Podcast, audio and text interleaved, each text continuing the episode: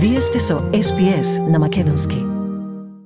Македонската агенција МИА дојде до нацртот на заклучотите од самитот на ЕУ, што ќе се одржи на 23 и 24 јуни, а неизвестноста за Македонија е пресликана и таму, бидејќи точката за земјава засега останува празна, јави МИА од Брисел. Заклучотите од самитот за проширувањето на ЕУ сега применувани во поширока Европа, првично се занимаваа со идеите како што пишува за нова платформа за вклучување на сите земји на европскиот континент и продолжување на предлогот на францускиот председател Еман Емануел Макрон за Европската политичка заедница. Тука е споменат и Западниот Балкан, земите од источното партнерство и сите држави партнери на ЕУ.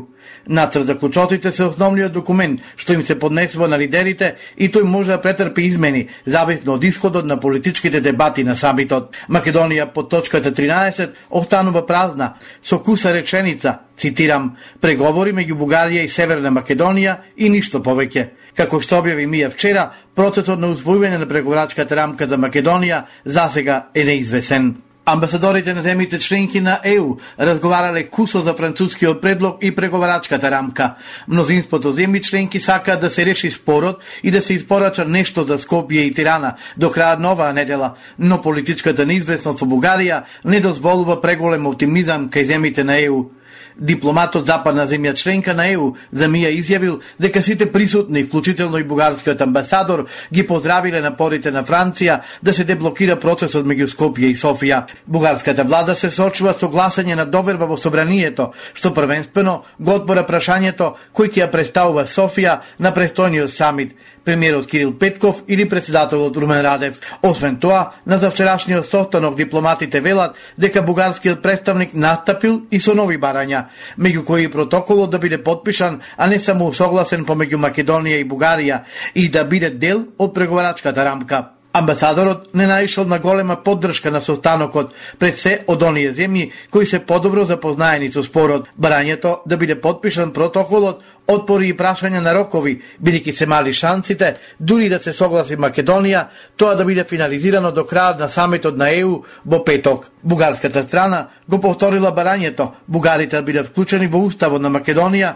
пред да се одржи првата меѓувладина конференција, а инсистирала и дека не смее да има автоматизам за одржувањето на втората меѓувладина, доколку бугарските барања не бидат исполнети. Дел од бугарските барања во однос на Македонија кои нема билатерален карактер се внесени во преговарачката рамка, но на внимателен и ограничен начин, изјави францускиот државен секретар Клеман Бон по состанокот на Советот за обшти работи на ЕУ во Луксембург, одбивајќи да даде детали за како што рече да не ги загрози преговорите. Бон тврдеше дека внесеното во рамката е направено во контакт со Скопје и дека не е насочено против интересите на Македонија. And we're trying to end the current um, blockage uh, with respect to North Macedonia. And it's a dispute which is uh, come to the uh, forefront in the last few months with uh, Bulgaria. We've talked about it. We talked about it in the General Affairs Council. We've said that the French presidency is very active in trying to overcome that um, blockage, and I'm very hopeful that in the next uh, few days we will be able to do that. But of course, you know it's a very difficult political context in Sofia right now. And at the same time, we've got ongoing negotiations uh, in the presidency, not just with the two capitals concerned, Skopje and Skopje, but with our European partners as well. So I'm sanguine that we will get there, but we still have our work cut out for us. There still are risks, and will spare no effort until the very last minute, if necessary, of our presidency, hoping that we can uh, get an agreement. Македонските власти и натаму тврдат дека до нив не стасал францускиот предлог, додека Бугарската собраниска комисија за надборешна политика се подготвува да го разгледа денеска среда.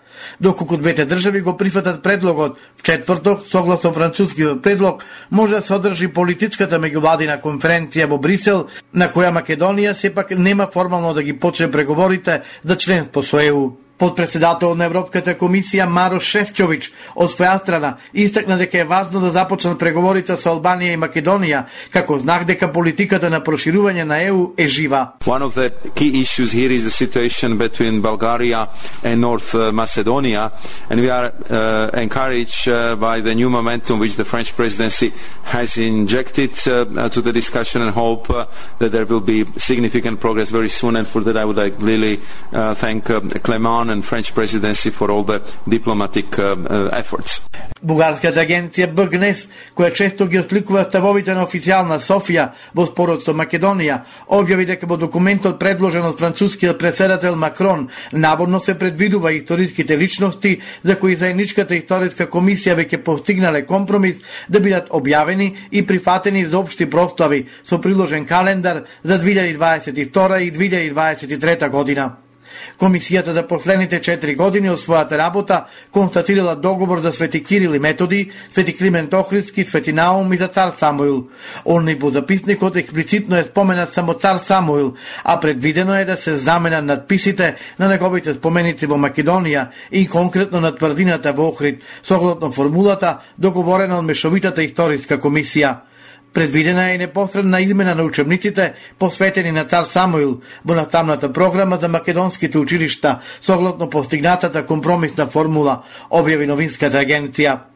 Агенцијата наведува дека во текстот на протоколот не се вклучени историските теми Готе Делчев, Илинденското востание и ВМРО. Документот предвидува најмалку 8 до 10 состаноци годишно на историската комисија, меѓутоа како што анализира БГНЕС, протоколот не предвидува механизам за постигнување конкретни резултати, ниту пак санкција во отсутство на резултати. Председател на Собраниската комисија за надборешна политика Антонио Милошовски, кој доаѓа од редовите на опозицијата, преку писмо го повика премиерот Димитар Ковачевски да го достави документот пред пратениците, кој како што вели се наоѓа во владиниот кабинет. Сметаме дека овие документи, ако можат да се разговараат во Софија или во било која друга престолнина, во Македонија има обврска владата да ги дискутира во собранието. Мојот личен став е дека треба да ги одбиеме за да покажеме едно достоинство согласно европските принципи. Со доставувањето на овие документи Милошовски ветува дека ќе вика веднаш седница на Комисијата за надворешна политика, бидејќи како што пишува Задутре кога ќе се одржува советот на ЕУ може да биде предоцна. Истото писмо му испратено на нешепо на дипломатијата Бујар Османи, кој веднаш изразе со реакција вели дека никаков француски предлог нема пристигнато во Скопје. Формално досега не е добиен француски предлог како можно решение за блокада од страна на Бугарија, затоа што прво се добиваат мислењата на земите членки на ЕУ со кои ние сме во постојана комуникација. Од тука нема можност било каков предлог да се достави до собранието или неговите тела, напиша Османи. Билатералните спорови не сме да станат европски услови, како што спорот помеѓу Словенија и Хрватска не беше проблем да за влезе на Хрватска во ЕУ, реагира Горан Милески, лидерот на ЛДП на Фейсбук. Македонската евроинтеграција не спе да биде заложник на фрустрациите на Бугарија. Секој предлог решение мора да добие согласност од македонскиот парламент. Јазикот не може да биде компромис, бидејќи тоа е веќе решено прашање со преспанскиот договор, пишува тој. ЕУ треба јасно да се изјасни, ја сака ли Македонија во ЕУ или не. Ние повеќе немаме време за губење. Во ЕУ ќе влеземе како македонци со своја вековна историја, култура, традиција и вредности, со собствен јазик и посебности, а влез како втора бугарска држава ниту сакаме, ниту некој може да прифати, ниту кореспондира со реалноста и историјата, вели лидерот на ЛДП Горан Милески и додава: Ова е мој личен став, кој ќе го застапувам во рамките на партијата и владата. Денеска предплане ќе биде донесена финална одлука за нашето учество на ЕУ Западен Балкан, самитот во Брисел. Ова на својот Facebook профил го објави премиерот Димитар Ковачевски. Тој вели дека во пресед на престојниот ЕУ Западен Балкан самит одржале вонреден состанок на Отпорен Балкан заедно со Александар Вучич и Еди Рама.